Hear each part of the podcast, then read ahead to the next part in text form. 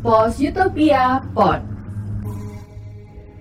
Uh, halo, uh, balik lagi di Post Utopia Pod, The Present Entropy. Jadi podcast seri The Present Entropy ini adalah seri di mana kita akan mencoba mengulik proses di balik proyek publikasi kolaboratif pertama Post Utopia. Jadi di The Present Entropy itu Post Utopia berkolaborasi sama satu orang music producer dan empat orang visual artist. Nah hari ini kita lagi ada di Kopi Kebun dan di depan gue ini ada salah seorang kolaborator visual artist namanya adalah Raihan. Halo, Raihan apa sih? Raihan Ki Agus. Raihan Ki Agus. Iya. Itu marga apa Ki Agus? Hmm, sebenarnya agak rumit sih gue jelasin cuman kalau Ki Agus tuh umumnya dari Sumatera, Lampung lah, Oh, dari Lampung. Terus tapi kalau background si keluarga gue nih, Ki Agus ini dari zaman penjajahan dulu gitu waktu zaman Belanda tuh hijrah ke Bandung. Jadi Ki Agus gue nih adanya di Bandung gitu. Darahnya Sumatera tapi geografisnya sekarang di Bandung gitu, Jawa Barat. Oke. Gitu Rumit sih. juga ya? Iya, agak rumit sih. Iya. Oke. Jadi gue panggil Raihan aja ya. Iya panggil Rehan aja boleh. Oke. Raihan nih buat orang yang nggak kenal Raihan bisa lo jelasin nggak siapa itu Raihan atau lu tuh apa? Oke. Gue eh, Raihan, gue ya visual artist bisa disebut atau ya seniman juga kalau misalkan gak familiar sama visual artist. Terus kesibukan gue kerja di eh, ya salah satu perusahaan digital. Background gue desainer grafis. Terus hmm, ya gue tinggal di Jakarta. Itu aja sih palingnya. Itu aja. Gimana? Apa apa kurang lengkap ya? Hmm, zodiak, zodiak. Zodiak. Gue Libra by the way. Iya. Libra tuh apa ya karakteristiknya? Gue juga nggak ngerti sih. Iseng aja nanya. Iya. Kalau dari yang gue tangkep sih sama yang gue alamin gitu ya. Kalau Libra tuh anak-anak anak-anaknya lebih condong ke bimbang sih. Nah, anak-anak bimbang sebenarnya. Bimbang tuh la- kayak lagunya Melly Guslau itu ya. Iya, benar. Kayak lo suka terpaku di antara dua pilihan gitu loh kayak anjing yang mana nih ya yang yang yang terbaik gitu. Hmm. Sekarang emang pilihan apa yang sedang ada di hadapan lo? Wah, cukup banyak sih ya pilihan-pilihannya antaranya karir sih. Terus juga pilihan dalam gue membuat karya juga pasti itu salah satu kegelisahan gue juga gitu ya. Sebenarnya yang paling cocok sama yang terbaik buat gue tuh yang yang kayak gimana tuh juga gue masih belum nemuin. Tapi di antara semua kebimbangan itu gue selalu percaya kayak ya udah deh daripada gue akhirnya terlalu banyak memikirkan bimbang itu ya akhirnya gue coba jalanin aja dulu satu-satu gitu coba ngelewatin semuanya aja sampai gue ngerasain eh, oh ini tepat nih gitu sampai sekarang sih masih kayak gitu sih Oke. Lo berarti sekarang kerja di gue kerja di perusahaan digital di Gojek. Gue Oke. di bagian kreatif. Jadi semisal ada promosi atau produk baru yang perlu promo atau perlu campaign itu pasti masuk ke tim gue kerja kerjaannya gitu. Kayak apa ya sebenarnya mirip-mirip agency lah tapi agency internal gitu. Oke, lu dulu kuliah ngambil jurusan? Gue kuliah di IKJ ngambil DKV desain komunikasi visual itu tuh bia- biasanya ya, biasanya orang-orang yang masuk ke DKV tuh kan sebenarnya punya background seneng gambar ya. Kayaknya gue jarang menemukan anak yang masuk DKV tuh kayak sebelumnya nggak suka gambar gitu terus oh ya gue masuk DKV aja gitu. Kayaknya nggak ada ya. Kayaknya rata-rata pasti dia punya sebelumnya punya background entah itu dia suka gambar atau seneng ini gitu. iya Iya gak sih? Iya, eh, kebanyakan sih gitu ya. Tapi tapi ada juga orang-orang yang tadi lo bilang yang sebenarnya dia nggak terlalu suka gambar itu ada juga sih. Atau dia suka dia nggak suka gambar tapi dia ngeliat, suka ngelihat gambar. Ada juga yang kayak gitu. Maksudnya dia suka eh yang ngelihat gambar-gambar yang bagus gitu ya. Tapi dia nggak suka eh nggak bisa gambar sebenarnya gitu sih. Jadi eh, bukan selalu bisa kali ya yang masuk ke di kafe tuh kayak lebih kesukanya sih suka ngelihat gambarnya sih. Oke, kalau lu yang mana? Kalau gue keduanya, Hmm. gue suka gambar, gue juga suka ngeliat gambar. By the way dulu gue udah mulai gambar tuh dari SD. SD itu gue sekolah di kayak sekolah swasta Islam gitu terus ada satu mata pelajaran yang isinya tuh nyambung huruf Arab kalau lo tahu ya Kayak kaligrafi gitu. Iya kayak ya semacam itulah pokoknya di dalam pelajaran itu lo disuruh nyambungin antara huruf-huruf Arab. Nah di dalam pelajaran itu gue nggak pernah ngerjain atau nggak pernah belajar sama sekali. Tuh isinya gue gambar terus di buku itu. Karena gue nggak suka sama pelajarannya gitu kan bingung banget kan. Eh, anak bocah terus disodorin huruf-huruf Arab yang kayak anjir nih apaan sih? gitu. Terus udah akhirnya gue mutusin buat gambar aja tuh tiap pelajaran itu tuh. Sampai-sampai tuh kayak akhirnya ya rapot gue merah lah terus orang tua gue dipanggil segala macem karena isi isi buku gue tuh semuanya gambar gitu di di mata pelajaran itu gitu. Lo gambar apa waktu SD? Wah tuh macam-macam sih. Ya mulai dari gambar orang ya, yang orangnya pakai baju sampai orang yang nggak pakai baju. Gue dulu udah udah gambar kayak gitu sih waktu SD. A- agak absurd juga mungkin gue juga bingung sih atau dari pengalaman gue juga gitu ya. Soalnya gue tipe orang yang tumbuh di lingkungan perkampungan gitu ya. Jadi pad- lumayan padat lah rumah gue terus kayak teman-teman gue tuh yang banyak orang teman-teman yang anak kecil bandel gitu lo yang kayak ke warnet nonton bokep gitu-gitu loh. Iya. Iya, terus kayak ya udah akhirnya semuanya jadi kayak gitu gitu. Nah, itu berarti lu suka gambar, bokap nyokap lu ada yang suka gambar juga? Atau ada yang basicnya seniman? Iya, eh sebenarnya bokap gue dia suka gambar juga. Gue dikenalin gambar sama bokap gue. Dulu waktu gue kecil bokap gue emang udah jago gambar gitu suka gambar. Suka, suka gambar gitu buat gue. Oh gak bagus banget nih gambar. Terus gue nyoba-nyoba kan cara gambar gimana. Terus eh, keluarga dari bokap gue tuh emang keluarga yang lumayan nyeni lah ya. Om gue juga salah satu ilustrator juga sekarang kerjanya dia dulu sempet gambar buat majalah Tempo gitu. Jadi gue kalau berkunjung ke rumah nenek gue ke kamar om gue tuh kayak anjir gambarnya udah kayak keren-keren gitu. Gambar dia tuh referensinya tuh eh, gambar-gambar komik eh, Amerika gitu yang struktur banget. Terus udah mulai dari situ gue kayak suka minta ajarin gitu.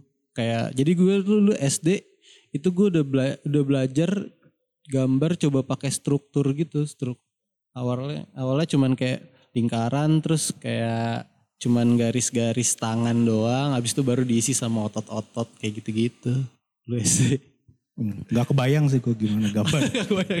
Garis-garis ada otot-otot. gue gak ngerti sih. Iya. Iya. Oke berarti lo emang ada turunan gitu ya. Turunan Iya. senimannya ada ya. Apa darah seninya ada di keluarga lo ya. iya ya lumayan ada lah Oke. eh sekarang kita balik ke project The Present Entropy ya. Yang pertama mau gue tanya kenapa lo mau iya gue diajak kerja sama sama Positopia? Apa karena lo takut sama Riko? enggak lah enggak lah masa takut sih Kan dia abang-abangan. bukan di takut kali ya menghargai aja menghargai Beda tipis. beda tipis enggak enggak kenapa gue tertarik gue gue gue gue emang gue ngulik gue cukup ngulik di apa soal topik eh psychedelic terus ya soal soal ilustrasi yang atau visual-visual yang agak-agak absurd ya menurut gue. Ya terus sebelum gue diajakin tuh gue selalu mikirin anjir ini tuh nggak ada apa nih eh, orang yang yang emang rame terus ngomongin apa namanya soal keabsurdan gitu ya. Itu gue ah, masih mencari banget kan terus kayak anjir nih gue bisa bisa ke mana ya buat nemuin orang-orang yang bisa nampung gue ini nih. Kayak gitu terus akhirnya Riko coba ngubungin gue terus gue diceritain soal proyeknya terus kayak wah ini nih yang gue cari nih selama ini nih. Akhirnya ternyata ada nih. Ya udah akhirnya gue tertarik sih buat ikut dalam itu gitu. Lo kekurangan project thank you ya? bukan sih bukan bukan bukan kurangan project thank you. Ya intinya Eh enggak lah, mau lah. dibayar. iya kan dibayar nggak thank you doang kan. Enak aja. iya kan. Ya gitulah. Makanya pas gue nemuin wah oke nih gitu. Gue dapat tempat nih. Di situ sih sebenarnya yang kenapa gue pengen banget ya. Gitu. Oke, lo kan ngirimin empat, empat karya visual lo ya di, di The Present Entropy ya. iya Jadi kalau gue cerita dikit, itu kan The Present Entropy sebelum lo mengerjakan karya visual itu, itu kan lo dapet rangsangan kan berupa teks Iya. atau tulisan, Iya. cerita pendek sama musik kan. Hmm. Itu ketika lo dapet rangsangan itu prosesnya kayak apa tuh? Ketika lo dapet rangsangan teks dan musik. Hmm. Ya pertama gue coba baca teksnya dulu. Set- Setelah gue baca teks, eh, ya setelah baca teks, terus gue dengerin musiknya gitu ya. Terus gue langsung kayak kepikiran, oh musiknya kayaknya bisa bisa ngebangun ambience ceritanya ini nih. Atau sebenarnya musiknya ini bisa nyeritain sesuatu yang baru lagi gitu, selain ceritanya. Terus akhirnya ya gue coba berangkat dari musiknya dulu sih. Maksudnya gue agak nyampingin si ceritanya. Ya gue juga baca storynya ya. Pokoknya akhirnya musik itu sebagai sebagai dasar gue nih buat bikin si karya. Akhirnya begitu. Oke, berapa berapa lama ya lo garap itu? Kayaknya lo salah satu yang paling cepet. Eh enggak deh, Iki yang paling cepat kalau nggak salah karyanya selesai. Gue tuh garapnya tuh sekitar sebulanan.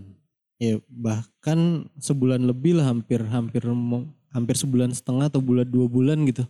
Buat itu terus ya banyak sih yang gue coba kulik dan coba temuin gitu ya di balik eh, rangsangan si suara atau lagunya itu yang judulnya ritual gitu ya. Ya gue gue coba ngulik dari kata-kata ritual terus gue coba ngulik apa aja sebenarnya yang bisa muncul gitu di dalam di dalam ritual tersebut gitu dan akhirnya jadi visual gitu. Oke, ini kalau kalau gue lihat gambar yang dihasilkan kan lo banyak juga main simbol. Iya. Itu lo dapat referensi dari mana ya? Nah, kalau simbol pertama dari dari ritual ya. Ritual tuh menurut gue sesuatu yang berulang terus sesuatu yang punya struktur gitu. Itu ritual tuh kayak semua ada step by stepnya gitu.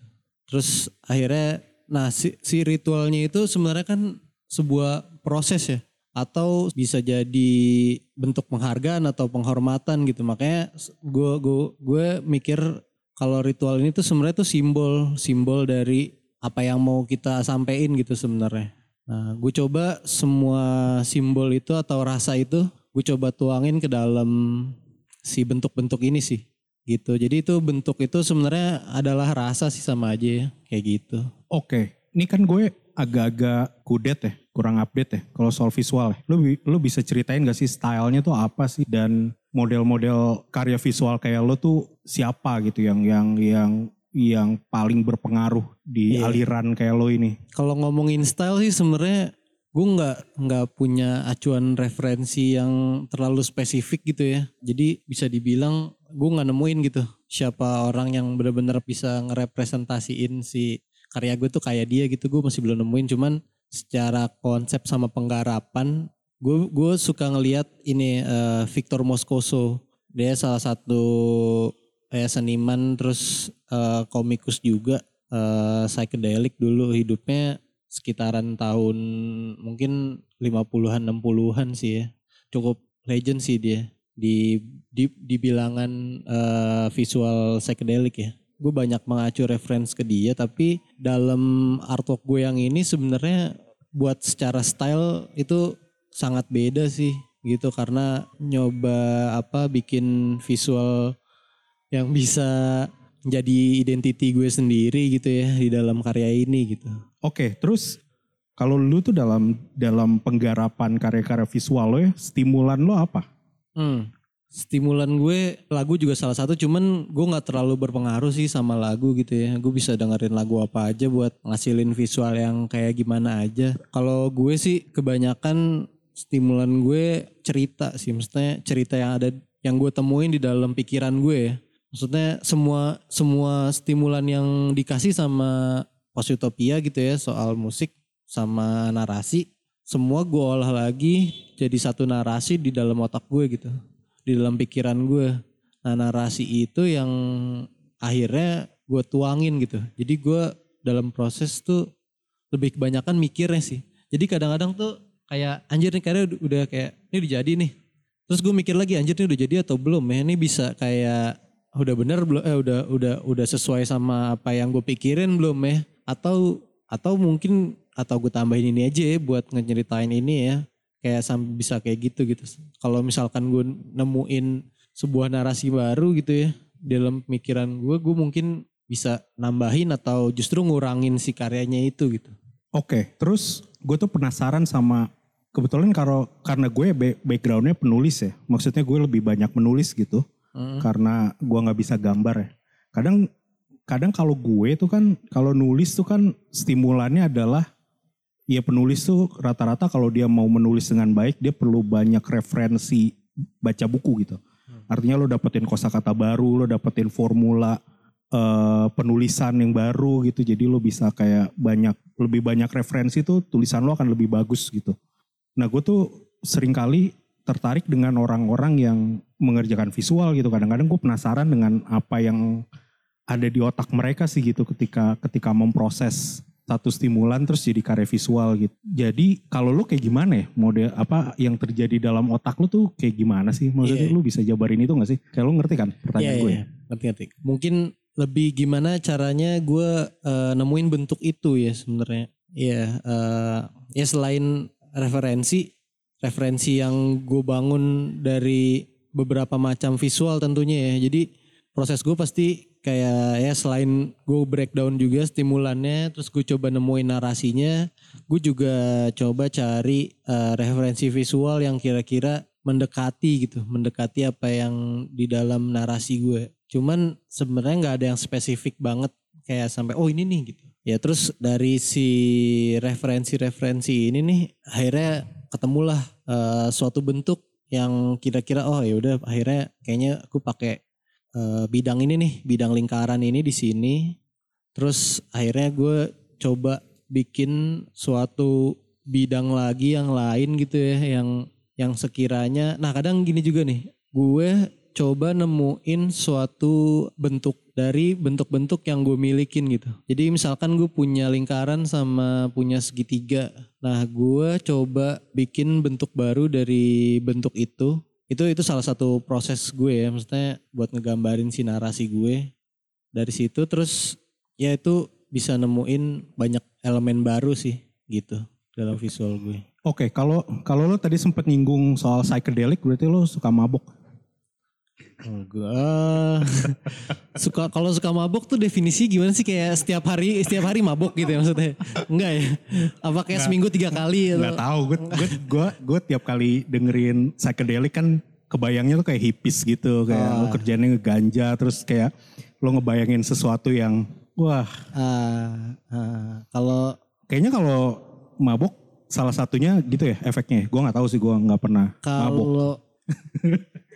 Mabuk ya sebenarnya Nggak lo nggak kalau lo nggak nggak bisa jawab juga nggak apa-apa. Berarti lo bisa baik. bisa bisa bisa bisa Oh bisa. bisa bisa bisa, Soalnya kan tadi katanya sekolah Islam kan lo SD-nya kan. iya setelah Islam bener Nggak ngaruh ya ternyata ya. Nggak ngaruh. Ajaran-ajaran. tetap aja kayaknya ya suka mabuk dulu tapi dulu Masih muda lah ya. waktu masih apa-apa. muda dulu ya Iya. waktu masih muda dulu Emang sekarang udah tua ya? sekarang Umurnya berapa sekarang? udah rada tua sih udah Oh. 25 sekarang Anjing. Apalagi gue anjing. 25 tua anjing. ya ya itu sebenarnya bukan suka maboknya kali ya Hmm. suka lebih suka ngelamun mikirnya sih Nah, Nah, lebih Iya, suka iya. itunya Eh, soal prosesnya gimana ya itu kedua lah gitu Hmm. loh jadi kadang walaupun gue nggak mabuk juga tetap aja gue suka ngelamun mikir gitu hmm. apa aja gue pikirin perasaan hati tuh berpengaruh nggak sama karya visual lo? Misalnya kayak, waduh gue baru diputusin ya sama cewek gue gitu, terus gue mesti ngegambar gitu nggak? hmm. Enggak ya? Kalau di konteks ini, kalau gue nggak, cuman soal karya yang ngegambarin hati, kadang gue suka bikin. Jadi gue punya beberapa eh, beberapa pengalaman beberapa tahun ke belakang lah ya. Mungkin itu waktu waktu masih zaman kuliah gitu sih. Mungkin alay gitu kali ya, maksudnya kayak, lo sakit hati terus eh, lo bikin karya gitu. Eh, cuman itu kan emang ya lo punya emosi gitu yang perlu dituangin gitu loh Iya. ya itu mungkin wajar-wajar aja cuman banyak orang yang mikirnya alay tapi ya itu salah satu hal yang suka gue lakuin juga gitu dulu kalau sekarang tuh mungkin gue udah lebih nggak emosian orangnya jadi gue kadang nggak nggak nggak suka nggak perlu nuangin lah kayak cuman kayak bisa lebih lebih bisa nerima sih kalau sekarang gue. Jadi kayak yang hal-hal yang emosi soal hati gitu, masalah-masalah hati sekarang udah nggak nggak gue tuangin lagi sih Hmm. gitu. Kalau lagi galau tuh lebih bagus nggak karya lo? Iya, kalau kalau lagi galau sih lebih bagus tuh karena lebih semangat sih.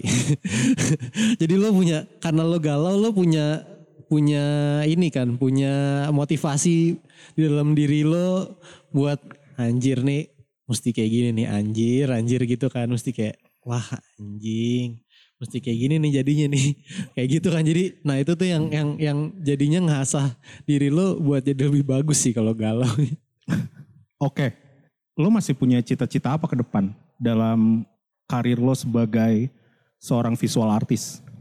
Ya kalau kalau cita-cita ya pasti gue pengen pameran ya salah satunya ya cita-cita gue. Kalau cita-cita hmm, terkenal mungkin hmm, nggak terlalu kayaknya deh. Cita-cita terkenal nggak usah lah. Cita-cita jadi youtuber? cita-cita jadi youtuber apalagi kayaknya enggak deh. Gue gue pengen jadi orang yang eh, nggak terlalu terkenal lah, nggak usah nggak usah terkenal lah. Maksudnya ya udah jadi eh, ada tapi nggak usah yang kayak Raffi Ahmad gitu loh yang kayak semua orang tahu gitu. Wala- Kayaknya nggak mungkin juga sih. Mungkin juga sih. iya sih. Iya sih.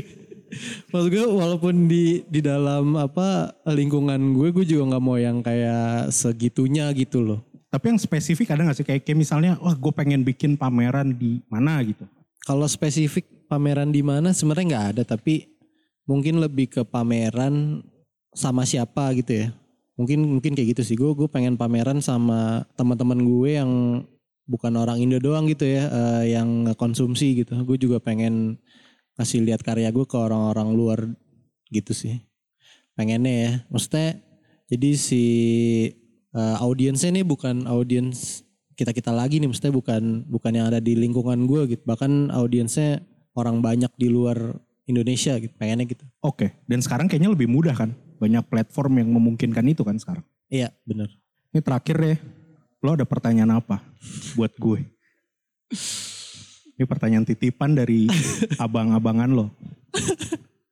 pertanyaan apa ya pertanyaannya adalah gimana lo bisa eh, selalu punya hasrat buat ngejalanin ini semua gitu Anjurit, dalam gitu.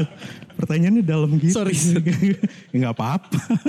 apa ya Hasrat ya. Waduh, gue mesti mikir sih jawab ini. Tapi kalau gue ya, gue nggak tahu ya dalam di dalam karir maupun misalnya gue sebagai penulis karena sebenarnya di di dunia kerjaan gue sekarang sebenarnya gue nggak nggak mengharuskan gue untuk menulis meskipun ada kerjaan-kerjaan yang mewajibkan gue menulis di kerjaan gue tapi bukan utama gitu tapi tapi menulis tuh adalah satu hal yang gue lakukan konstan. Mungkin sebenarnya sejak gue SD kalau gue tarik-tarik lagi gitu, gue tuh seneng seneng banget sama nulis gitu. Tapi mempertahankan hasrat itu memang agak sulit karena gue sering kali ngalamin kalau lo tahu kayak blog writers gitu, sering banget gue ngalamin kayak nggak bisa nulis gitu karena nggak kepikiran apa-apa gitu. Ada ungkapan gitu yang bilang kalau lo mau jadi penulis yang bagus tuh lo butuh kesepian sih. Dalam arti apa pun ya. Kadang-kadang kalau gue mengartikannya kesepian tuh dalam artian suasana gitu. Jadi gue tuh bisa menulis dalam keadaan sunyi gitu. Jadi nggak boleh ada distraksi kayak dengerin lagu gitu. nggak bisa tuh gue nulis.